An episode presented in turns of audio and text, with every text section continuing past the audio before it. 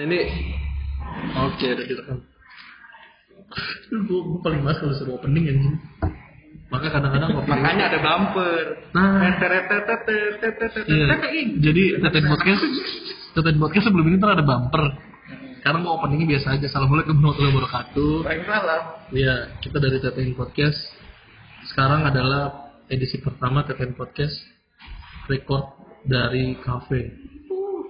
Sekarang kita berada di penantian cafe, penantian kopi. Ini ada di samping SMP 18 bagi kalian yang rumahnya dekat mampir aja ke sini di Bekasi Timur samping SMP 18 kopinya enak banget kopi es pisang sama susu eh, es kopi pisang Gak ada bunyi teater apa Hmm, gitu. iya. Oh lagi kafe nih ada kafe, iya, orang pakai es gitu. Bosan lah. kita tidak pencitraan karena memang tidak butuh. Jadi di sini gue bareng teman-teman mungkin yang baru baru masuk ke tim podcast silakan memperkenalkan diri kalian masing-masing. Saya akan pandu dari yang akan menjadi bahan atau pantulan dari jokes-jokes hari ini. Ada silakan hmm. Ya halo, nama saya Noldi, biasa dipanggil Noldi. Iya, buat teman-teman yang Noldi, sekarang Noldi kebetulan masuk ke tim podcast. Jadi ada di sini suaranya. Iya. Terus ada silakan Mas Ilham. Oh iya, saya Mas Ilham, Iya. sound engineer. Pada tapi Amin. Amin, amin, amin. Iya. Nah, yang akan kita bahas di sini adalah gua akan sharing-sharing sama temen gue yang baru lulus dari Fakultas Psikologi Universitas di Malang. Silakan kenalin. Mbak. mohon maaf di kampus gue nggak ada fakultas psikologi Oh iya, jadi masuknya ke eh tapi kalau gue sebut ketahuan ya Oh pokoknya iya. kalau fakultas sosial lah Hmm. Iya, nah, kan dijelasin dulu oh berarti. mohon maaf Oh, iya iya. Emang tapi kan biasa gitu sih. Iya. Fakultasnya ilmu politik Biasa pasti. aja, biasa aja. So- Soalnya Malang itu bukan Malang Jawa Timur, Malang Bung. Melambung. Mau ke Tasik gitu, mau ke Tasik. Eh udah tahu Oh, ada, ada, namanya Malang Bung. Itu biasanya jokes anak unpad tuh. Lu mau ke mana? Malang. Jauh amat. Malambung. Iya, tanya. Jadi, dari lu tinggal naik doang. Iya, deket dari Namur. Oke, silakan kenalan kak. oke kenalin nama gue udah panggil Ai aja ya karena gue nggak mau menyebutkan identitas aku Iya, benar, benar, benar. Aduh, Ai. Hai. Nah, jadi Ai ini baru lulus dari jurusan psikologi. Kita akan nanya-nanya mengenai fenomena yang banyak terjadi pada remaja-remaja kini. Karena zaman ibu gua nggak ada tuh. Karena zaman ibu gua wanita-wanitanya giat sekali bekerja, membantu orang tua. Betul. Tidak ada gabut-gabut, tidak ada pengaruh asing, Tidak ada. budaya Korea itu tidak ada. Sibuk dijodohin. Dari umur 16 tahun sudah dijodohin. dijodohin. Jadi tidak ada yang namanya stres-stres karena ditinggal pacaran. Itu tidak ada. Tapi kita nggak tahu loh sebenarnya. Bisa jadi udah ada loh dari dulu. Bisa sih? aja ada tapi nggak ke blow. Iya, karena itu tabu Nah betul, iya benar. Kenapa bisa tabu ya? Maksudnya kenapa bahasan untuk seperti hal-hal kayak gitu tuh tabu gitu di masyarakat sampai adanya sosial media gitu zaman sekarang. karena bagi beberapa orang orang-orang zaman dulu mungkin ya yang ya soal itu saya yang pendidikannya atau literasinya rendah nggak eksplor banyak hal itu jadi sebuah aib Oh hal yang benar. memalukan Baik buat keluarga, buat Iya, diri sendiri gitu ya. iya. bisa aja kayak takutnya kayak ah lo gitu doang masa kayak gitu Hmm, betul. Nah yang yang jadi masalah buat gue adalah gini sih. Sebenarnya ini kan lebih ke apa sih kalau sebutan ilmiahnya kalau penyakit mental itu apa sih bahasa halusnya? kalau nggak tahu sih Mungkin isunya mental illness ya, iya iya kan? Salah satu subbagian dari mental illness kan ya. Tapi yang cenderung berbahayanya ya. sangat berbahaya bukan cenderung Iya. berbahaya lagi Nah, gue menarik sih kayak judul skripsi lu itu kan tentang upaya bunuh diri ya. ide bunuh diri Ide bunuh diri dari remaja. Iya. Nah, remaja-remaja itu ketika mereka punya ide bunuh diri itu mereka bakal kayak gimana sih dan hmm, kenapa mereka bisa muncul ide buat bunuh diri bahkan gue ketemu narasumber gue udah melakukan percobaan bunuh diri wah, oke. iya malah tadi awalnya gue mau percobaan cuman kata dosen gue itu terlalu berbahaya jadi turunin step tingkatannya menjadi ide bunuh diri aja jadi lo punya ide atau udah melakukan klasifikasinya lo udah punya ide bunuh diri Yang paling ekstrim lu dapat dari narasumber idenya apa? dia mau gantung diri cara tercepat kan gantung Iya diri. sih. Tapi nggak jadi. Berarti ini narasumber narasumber sorry. Narasumber lu berarti baru orang-orang yang baru punya ide doang gitu maksudnya tapi belum belum melakukan. Ada yang udah melakukan ada yang masih punya ide. Ada yang melakukannya dia masih sebatas sebatas self harm atau menyakiti diri dia sendiri. Nah, oke berarti kalau gue bisa bilang kan eh, upaya lebih jauhnya dari self harm adalah Percobaan. Nah itu kan percobaan bunuh diri kan. Nah kalau gue bilang self harm itu kan lebih ke yang gue tahu ya seperti memindahkan rasa sakit dari hati lu atau pikiran lu ke fisik lu kan sehingga dia merasa lebih nyaman dan dia merasa kayak ya udahlah puas gitu nyakitin diri sendiri. Kalau menurut yang kalau pelajarin apa memang seperti itu atau yang benar gimana sih? Kalau gue pelajarin sih di kampus kan nggak terlalu ngebahas itu karena Hmm. hal yang masih sangat-sangat sensitif. Buat Kemenkes juga Kemenkes ya sorry itu saya ini gue sebut nih jadi Hmm. instansi pemerintahan itu eh, mereka sampai sekarang nggak terlalu menunjukkan fokus penanganan pencegahan bunuh diri itu sendiri gitu. Karena Hmm. ketika gue skripsian juga nyari data di Indonesia kasus orang-orang bunuh diri dan percobaan itu nggak ketemu. Mungkin ada tapi gue nggak ketemu. Jadi sejauh ini sampai ada organisasi yang fokusnya di suicide pun mereka pakai datanya dari WHO dan WHO itu dari gue skripsian sampai sekarang masih belum berubah. Per tahun itu ada 800 ribu orang yang melakukan percobaan. Eh ma- eh, udah bunuh diri. Jadi ibaratkan setiap 40 detik ada orang yang udah bunuh diri. Di dunia. di dunia sedunia. Nah, jadi Kemenkes naruh datanya orang-orang yang sudah bunuh diri di dunia. WHO oh itu WHO Iya. nah Kemenkes ngambil data dari Kemenkes gue belum nemu artikelnya Oh. atau jurnal-jurnal Kemenkes gue belum oh iya, iya. Tapi emang dari Kemenkes sendiri nggak ada hotline hotline kayak anti bunuh diri gitu kan maksudnya? waktu itu sempat ada cuman entah ada kendala apa di Kemenkes terus di stop Hmm. kebetulan juga gue tahun beberapa tahun yang lalu gue lupa itu gue jadi salah satu volunteernya suicide hotline startup di Jakarta. Ngomong-ngomong masalah bunuh diri ya, sebenarnya anggaplah si A nih melakukan bunuh diri nih. Beres dong maksudnya dia itu korban atau tersangka ya? korban bukan bukan yang mau bercandain cuma sekarang korban bunuh diri. Aneh sih ngerti ya sih Iya dari sudut pandang lu yang mungkin bukan bukan korban atau tersangka. Pelaku. pelaku. Nah bener berarti pelaku kan? Iya oke tahu juga sih lebih spesifik yang pasnya Hmm. apa apa gitu. Nah terus sebenarnya gue punya punya punya punya pengalaman tapi ini nggak tahu sih ya eh, karena faktor kejiwaan atau apa. Cuman kadang gue pikir sih kayak emang nenek gue aja caper. Jadi saya mulai tahu arahnya jadi, jadi nenek gue tuh sempet dulu pas berantem sama siapa?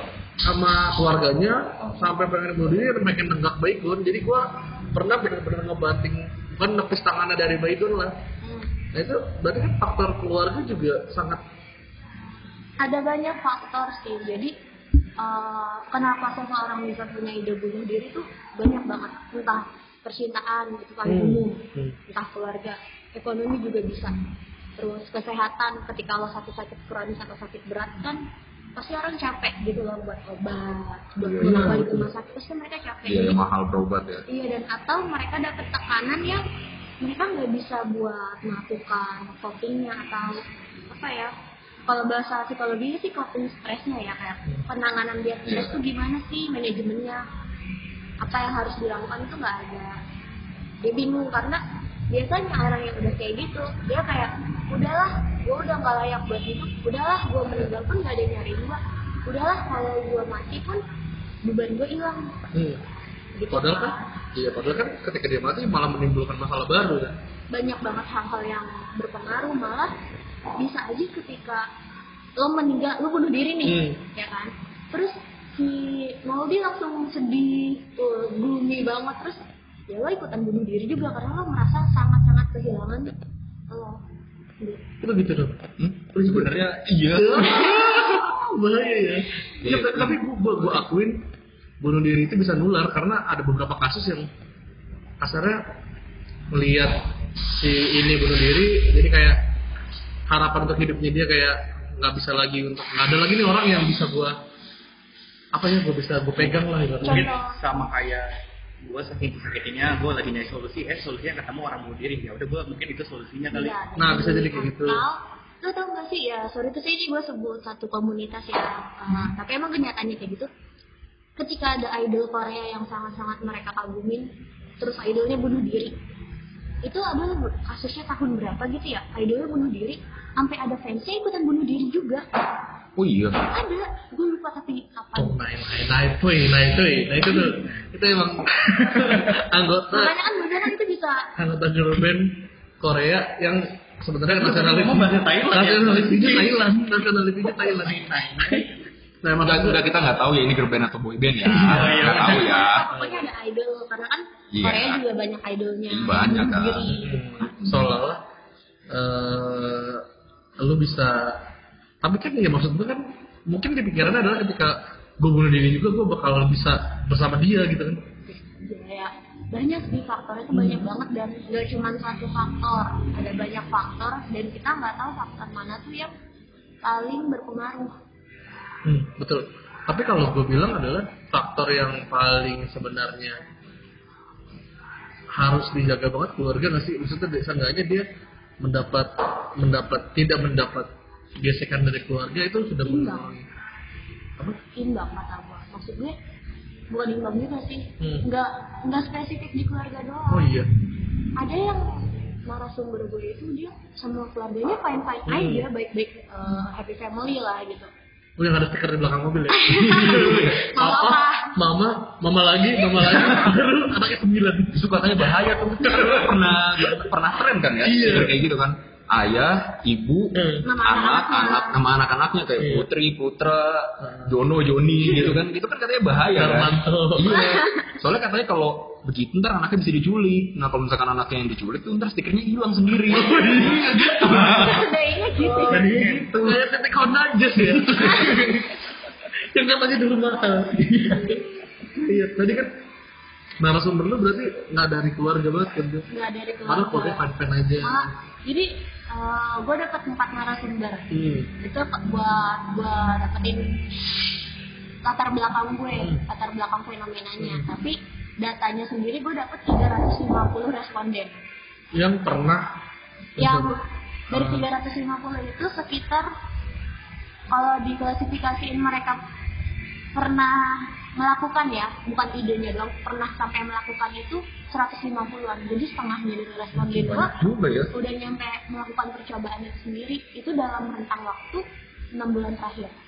Tapi caranya, maksud lu ada nggak? gue pakai Google Formulir. Enggak, eh, upaya mereka untuk bunuh diri itu selain gantung diri ada lagi nggak? ada macam-macam ada banyak banget. Kayak jadi gue nabrakin diri ke kereta atau apa gitu. itu mah bukan percobaan lagi udah emang langsung Oh, udah meninggal gitu kan. Itu secara tercepat. Iya ya, kayak gue nggak tahu sih tapi gue takutnya oh ya sebelumnya ini hati-hati ke trigger nih Iya. karena obrolan kayak gini kalau emang pernah mengalami itu bisa jadi trigger hati Nah, op- uh, maksudnya gini, kalau misalnya apa sih yang harus kita lakuin kalau misalnya kayak kita udah kepikiran buat bunuh diri apa ya gue? biasanya ketika udah kepikiran bunuh diri itu ya kita kan namanya lagi anggapan lagi ngedown nggak bisa mikir Iya betul. jadi nggak bakal kepikiran apa apa kecuali bunuh diri. Hmm. kebetulan eh, fun fact-nya adalah gue juga sur- wih gue survivornya. Gue juga pernah melakukan percobaan bunuh diri. Gara-gara apa? Gue nggak kuat kuliah. Dan gue kehilangan adalah orang yang dulu sempat ngeghosting gue terus saking gue nggak kuatnya banyak tekanan banyak tekanan gue nyerah. Terus gue kayak yaudah gue mau percobaan aja tapi di otak gue tuh cuman melampiaskan apa sih yang di otak gue nggak kuat gue cuma pengen habis ini gue tidur atau pingsan ya habis itu gue bangun pengen aja padahal enggak coy lo bangun bangun semaput Gara-gara gara-gara di ghosting. gara-gara di ghosting dan akademik Aku di ghosting. Sabar ya.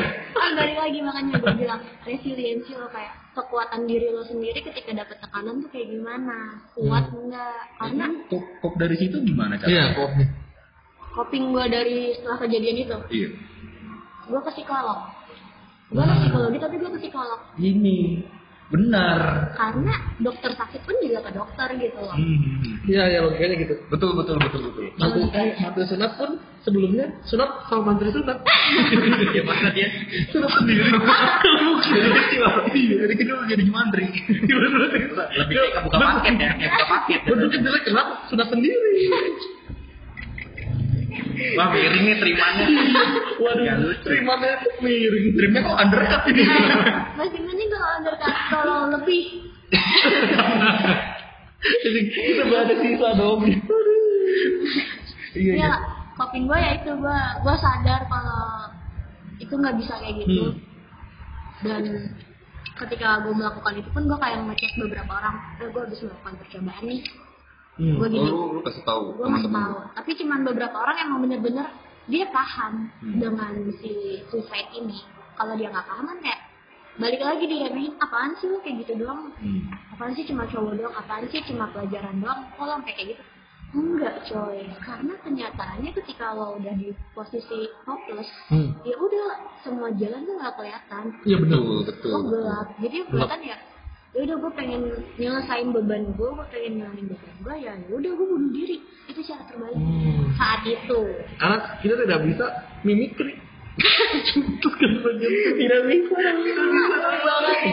Mimikri itu ini ya berubah banget kulit ya. Apa yang mutusin? mutusin. Ototomi, Mutusin. Enggak, autotomi itu mutusin ekor. Iya, nggak salah. iya. Benar ya? Mimikri bukan yang bunglon ya? Iya, mimikri itu kedua lah kan. Iya. Nah, iya karena kita tidak bisa. Ada ada apa hubungannya Iya, dengan iya. warna aku bangun bela diri coy bukan itu loh maksudnya jadi kita tidak bisa memutuskan Oh cicak ya cicak sebagian itu. sebagian badan kita untuk rasa rasa pelong kan? Oh kayak cicak mutusin buntut ketika dia Iya. harus berbahaya jadi ya itu kan maksudnya makanya ya pilihan mentoknya adalah apa gue bunuh diri ya? Iya pilihan bentuknya nah tapi gue gini eh, ya banyak orang yang ngomong sama gue dia bingung gue ke psikologi psikologi mana yang bagus? Psikologi mahal nggak ya? Kira-kira bisa menjawab pertanyaan itu nggak? Psikolog. iya psikolog psikolog mahal nggak Psikologi, sih psikologi beberapa mahal, beberapa enggak. iya. Iya benar. Karena alhamdulillahnya banget nih sekarang pemerintah tuh udah sadar sama pentingnya kesehatan mental. Mm-mm. dan itu udah bukan jadi hal yang tabu bagi banyak orang. Mm. paling tinggal orang-orang yang ya balik lagi sorry itu sih orang yang literasinya rendah dan sudut pandangnya sedikit. Mm. masih menganggap apaan sih lu gak gila? Karena dari dulu kan stigmanya lu ke psikolog ya lu gila. Nah itu. Padahal nggak gitu iya kan cuman kayak lo nikah lo divorce lo nggak bisa deket sama orang lo kapok lo bisa ke psikolog Nah, berarti itu tahapannya sampai mana? Ketika harus- kita iya. udah harus ke psikolog gitu, Nah, harus jadi- menerima bantuan profesional. pertama kapan lo harus ke psikolog ketika lo merasa lo udah nggak kenal diri lo sendiri Maksudnya? lo udah nggak kenal lo yang biasa kayak gimana sih misal lo ceriwis lo ketawa-tawa Lu nggak mikirin gitu. Nah ketika lo ke psikolog lo udah nggak punya minat hidup lo udah nggak punya nggak tahu tujuan lo mesti gimana lo semua kegiatan lo berhenti. Jadi lo udah stuck aja gitu kayak ngapain lagi sih gue hidup ngapain lagi sih ngapain lagi? Dan banyak pertanyaan-pertanyaan yang sampai akhirnya itu mengganggu keseharian lo Hmm.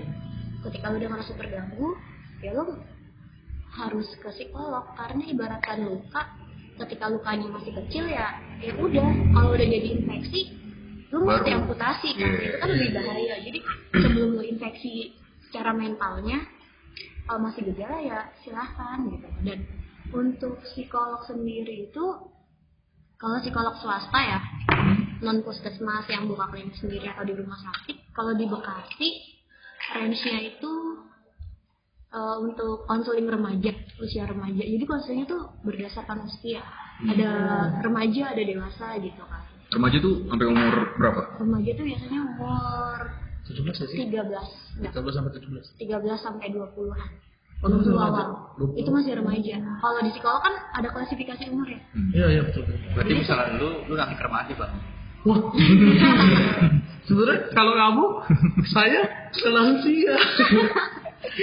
Jadi kalau psikolog yang swasta buka klinik sendiri itu dia range-nya 250 ribu buat remaja. Hmm. Satu sesi, satu sesinya 60 ah, menit, satu jam. satu jam. Hmm. Gitu. Tapi gue pernah dengar, nggak tahu sih ini benar atau enggak. Tadi kan lu bilang juga beberapa rumah sakit sudah ada bagian. Puskesmas. Eh, eh, di puskesmas juga ada beberapa. Kalau yang puskesmas. Ya, nah katanya itu di cover BPJS juga itu bisa ya? Bisa. Hmm, Eh, BPJS nggak cover ini? bisa. Apa namanya? Tapi beberapa rumah, beberapa puskesmas doang. Iya. Iya iya. Enggak semuanya. Di beberapa kota doang kan, maksudnya nggak nggak nyampe ke Manokwari gitu sampai. Belum, belum, belum. Lok Semawe. Lok Semawe. Kalau nyampe sana kayaknya psikolog juga masih hal tabu banget ya. Kalau nggak tahu ya, kalau menurut Hmm. gua semakin terpencil sebuah daerah, semakin Sulit. pengetahuannya Iya. kan semakin makin dikit gitu loh. Jadi orang kayak yang ya balik lagi psikolog ya lo sakit jiwa gitu. Ya Hmm. enggak. Terus kalau misalnya di daerah ngaruh nggak sih sebenarnya kayak tingkat stresnya? Apa yang orang-orang yang di pedalaman sana tingkat stresnya lebih rendah daripada kita yang berhidup hidup di hidup pikuk ibu kota Iya. Padahal di Bekasi. makin di Jaksel gaji dua digit pun belum cukup.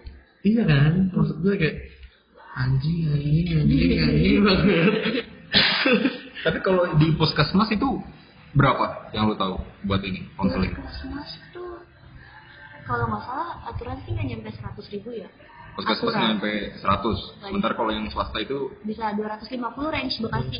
Mungkin kalau udah ke Jakarta bisa di atas itu. Nah, ah, ah, berarti gini, itu kan seperti kita media curhat ya. Tapi kan memang ke ahlinya kan. Iya ke ahlinya kayak kita ngomong-ngomong karena balik lagi sih eh, lu ke psikolog itu buat ngobrol Hmm. ngobrolin keadaan lo kayak lo benang kusut lo nggak tahu akar permasalahan lo apa jadi lo butuh berkali-kali ketemu Hmm. dan setiap ketemu pasti ada aja pembahasan yang beda-beda Hmm. kayak gue selain survivor gue juga pernah bukan pernah gue emang dapet diagnosis kalau gue punya anxiety disorder Itu juga. anxiety ke anxiety. Oh, panikan. panik Panik, panik. Kecemasan yang berlebihan. Iya, berlebihan. Beda sama insecure? Beda kalau kalau insecure kan lu nggak pede. Oh. kalau Anxiety. anxiety itu lu udah kayak yang kalau keadaan gue sendiri yang ekstrim gue sampai gemeteran sebadan badan Itu keringet dia. Itu benar ngaruh ke fisik gitu ya? ngaruh ngaruh banget. Kalau makin parah makanya kan gue bilang itu kayak infeksi. Kalau masih sedikit ya mungkin lo obatin. Kalau udah nyampe kena fisik. Lu harus minum obat nggak? Nah balik lagi kalau lo udah sampai fisik banget hmm. sampai panas dingin sampai gemeteran yang lo sendiri nggak bisa kontrol itu gue tuh gemeteran sampai mesti gigit sendok lo biar gue diem Oh, iya. waktu itu waktu gue parah parahnya Nah, tuh itu gue perlu ke psikiater karena udah nyampe fisik kan jadi Oh, lo perlu fisik. obat Ah, psikiater itu bedanya adalah lu sudah harus masuk obat. psikiater pakai obat kalau psikolog nggak pakai obat Psikiater pakai obat, psikolog Psikiater boleh menganjurkan obat, karena meresepkan dia obat. karena dia basicnya dokter Hmm. Ambil profesinya tuh kejiwaan yang udah sampai fisik, Kejiwaan, ya. yang sudah pak, maksudnya udah sampai tahap menyerang fisik seperti perubahan tadi suhu tubuh, menggigil, deg-degan, ya menggigil nah, bukan sesak napas, batuk, itu anda covid. jangan jangan ke psikiater kalau udah pilek, Sakit punggung, sakit mata. itu anda kebanyakan begadang namanya kalau begitu. angin Jangan. duduk, angin duduk. Nah, terus maksud gue, nah, obat yang disarankan itu, eh, karena kan kita juga, gue kan sedikit banyak ya, banyak yang nggak taunya gitu loh maksud gue.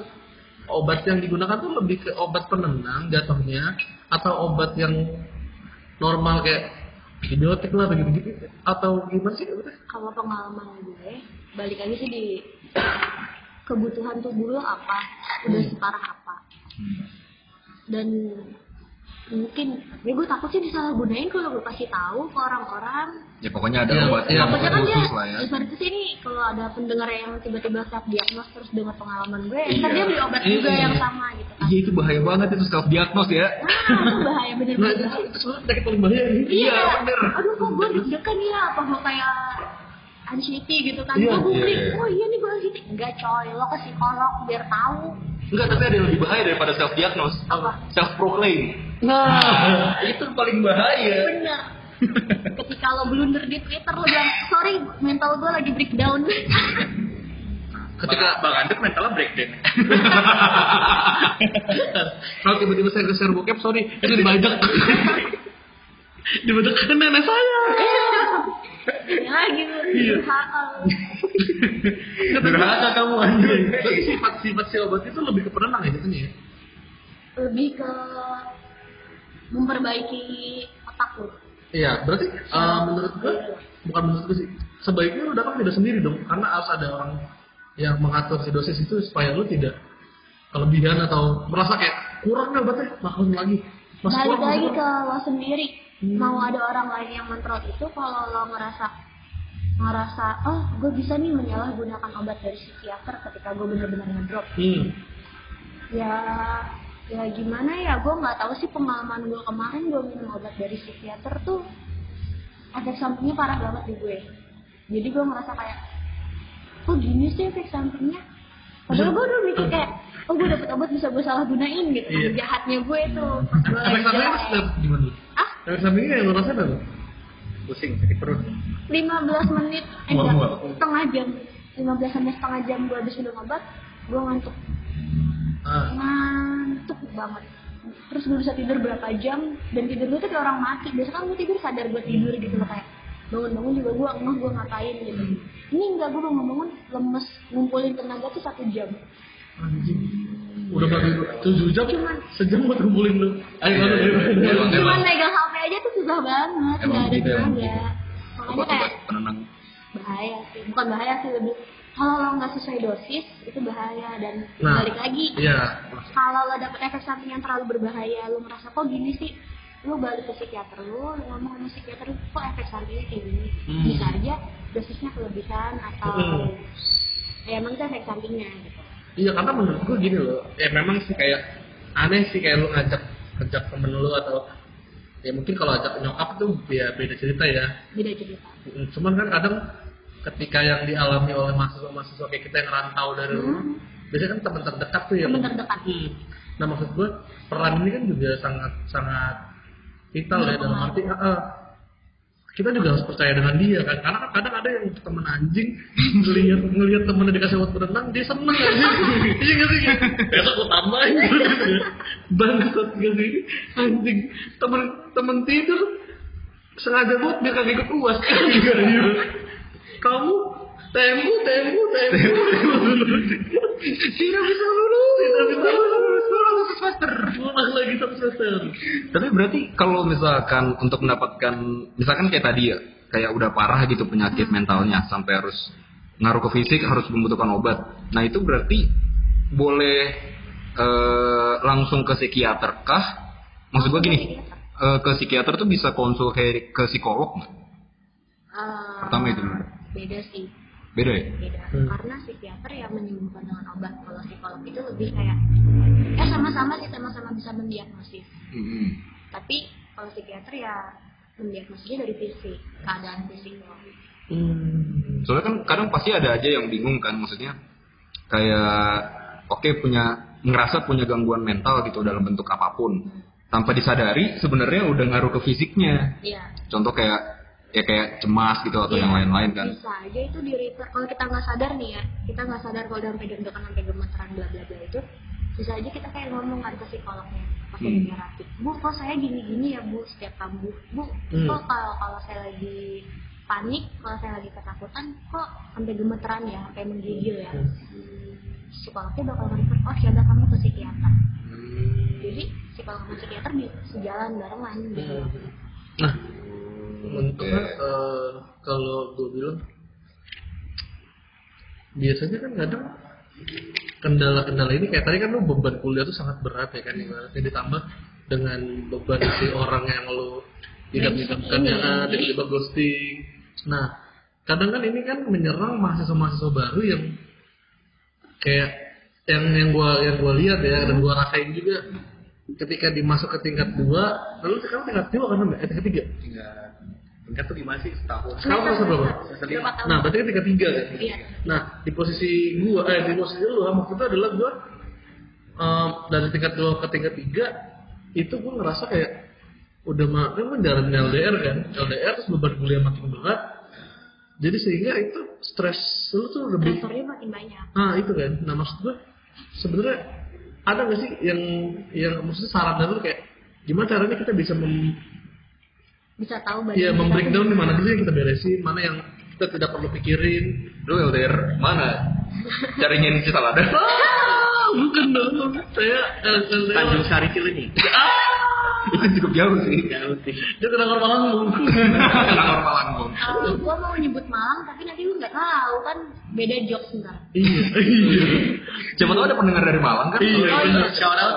Iya. Tapi tapi eh, anak KTM podcast itu ada dari Malang juga loh. Oh iya. Oh, dia ya. kebidanan. Ya siapa tahu anaknya LDR Suhat Sigura-gura gitu. Nah, ngerti banget. Si gura-gura.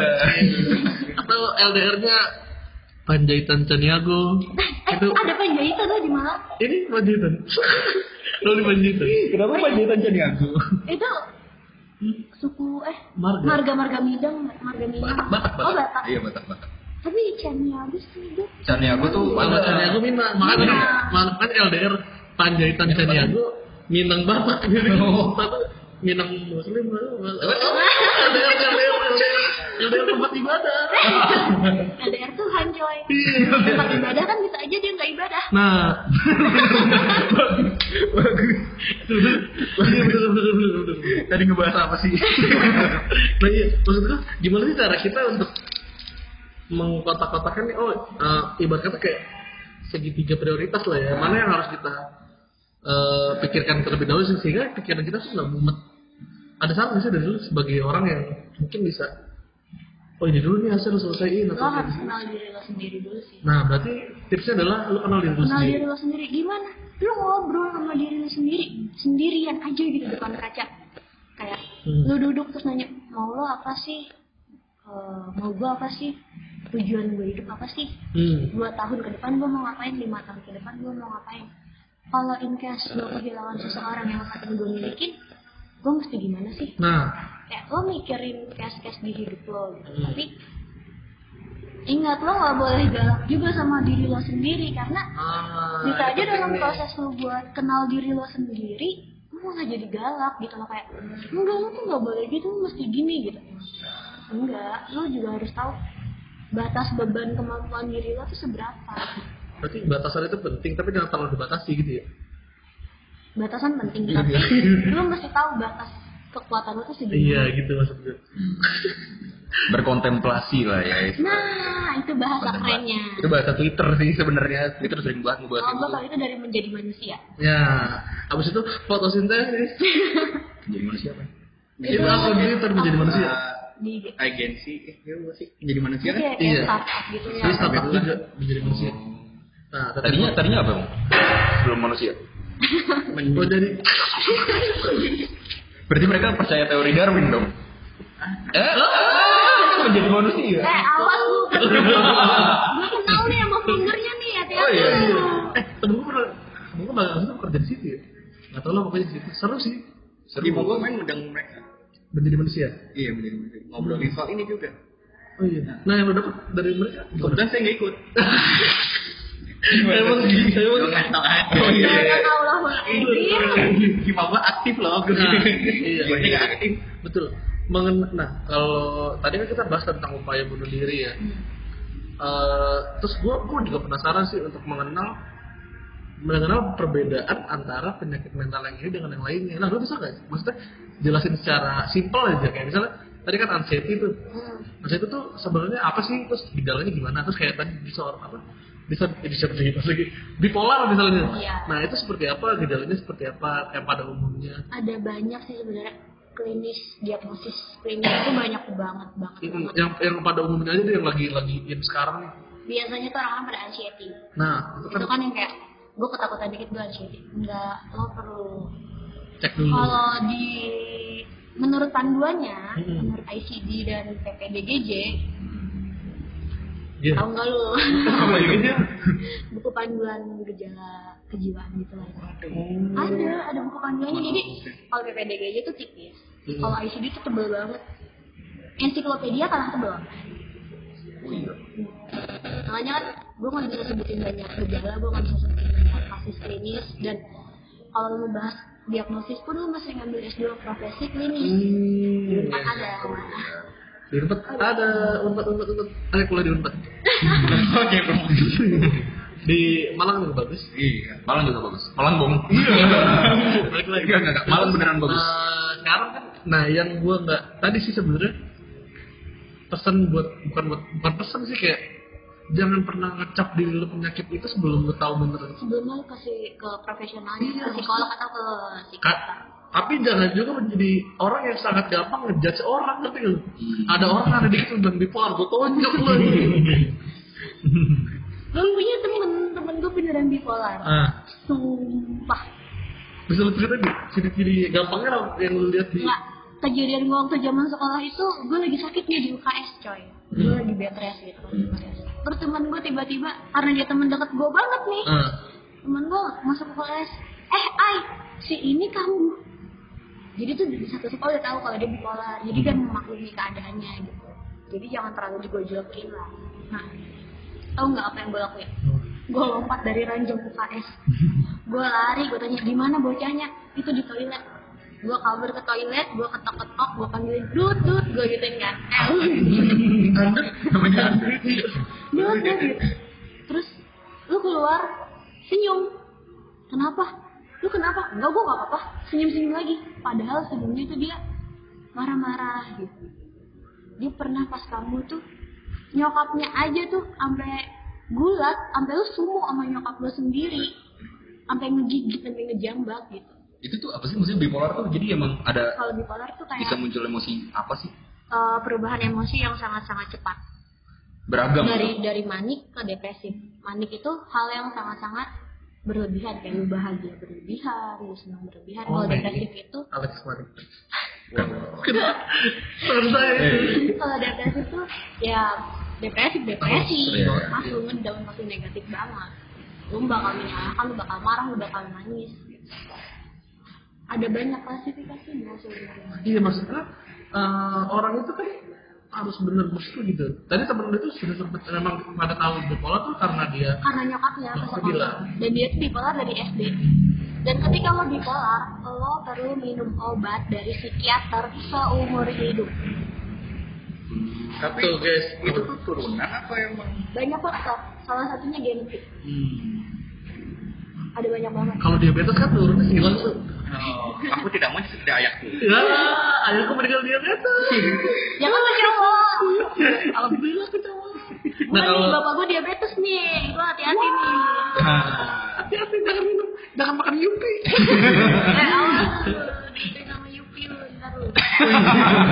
Daripada saya ngerokok mendingan saya yupi.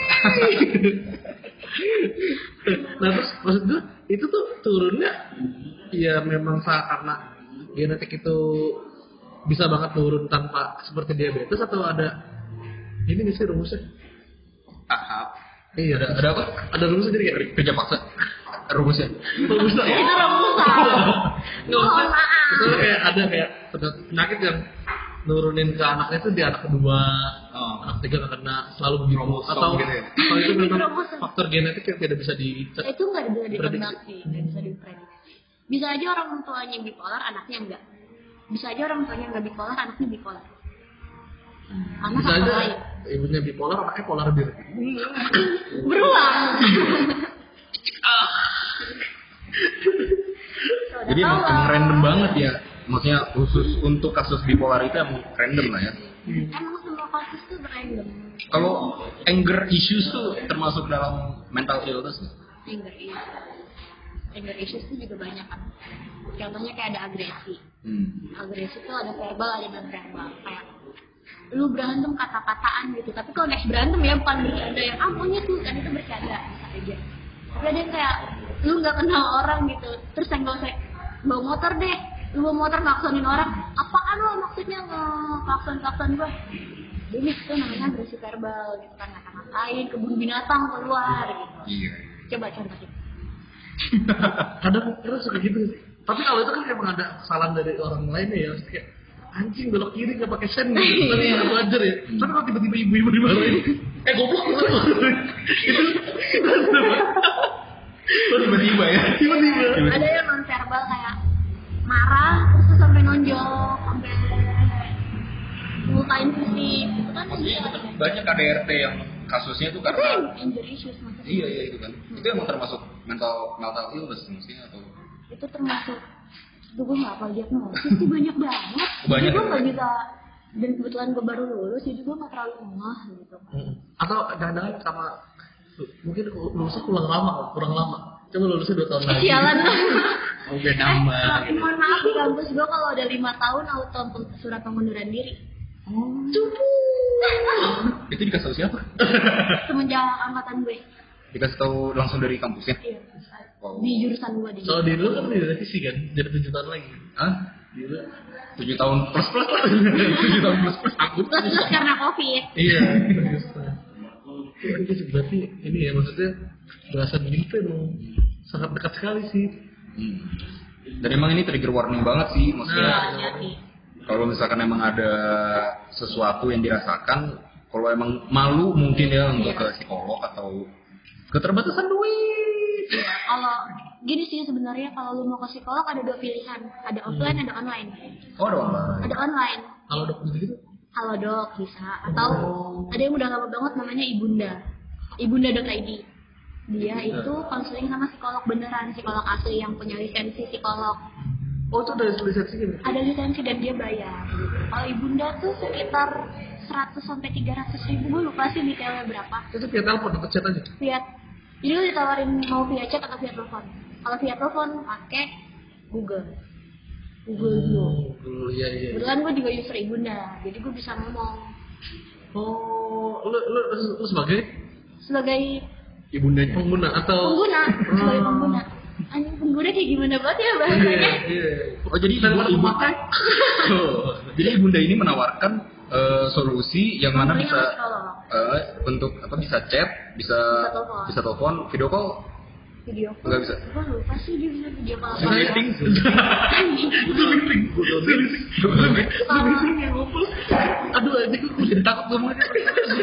yang yang ngumpul tuh orang-orang dengan memiliki penyakit mental masing-masing. Jadi kan maksudnya jadi kayak sharing Iya, gitu. ya. ya. Nggak apa-apa dong. Tapi kan akan ada akan ada di mana tiba-tiba mohon maaf teman-teman ini hanya analogi aja. Iya. Kalau Zoom meeting tiba-tiba ada si user berapa tiba-tiba dia banting-banting kulkas gitu. Oh, itu itu Atau atau mungkin on cam off cam on cam off cam off cam. sorry sorry nggak ada nggak ada nggak ada niat ngejok sih Iya, iya, mental illness Mengadut aja.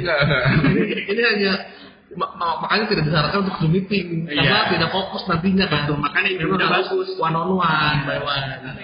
Makanya ada ada namanya fokus group fokus group discussion kayak FGD gitu Hmm. jadi kayak support group itu Nah, juga ada itu juga ada jadi tuh. dia kayak sekali pertemuan membataskan misal lima orang sampai Nah, tujuh orang berarti kan- terus bahas temanya yang sama Heeh, berarti kan ibaratnya ada batasan orang kan ada batasan orang cuman biasanya itu nggak sama psikolog sama sama anak S1 aja oh ada juga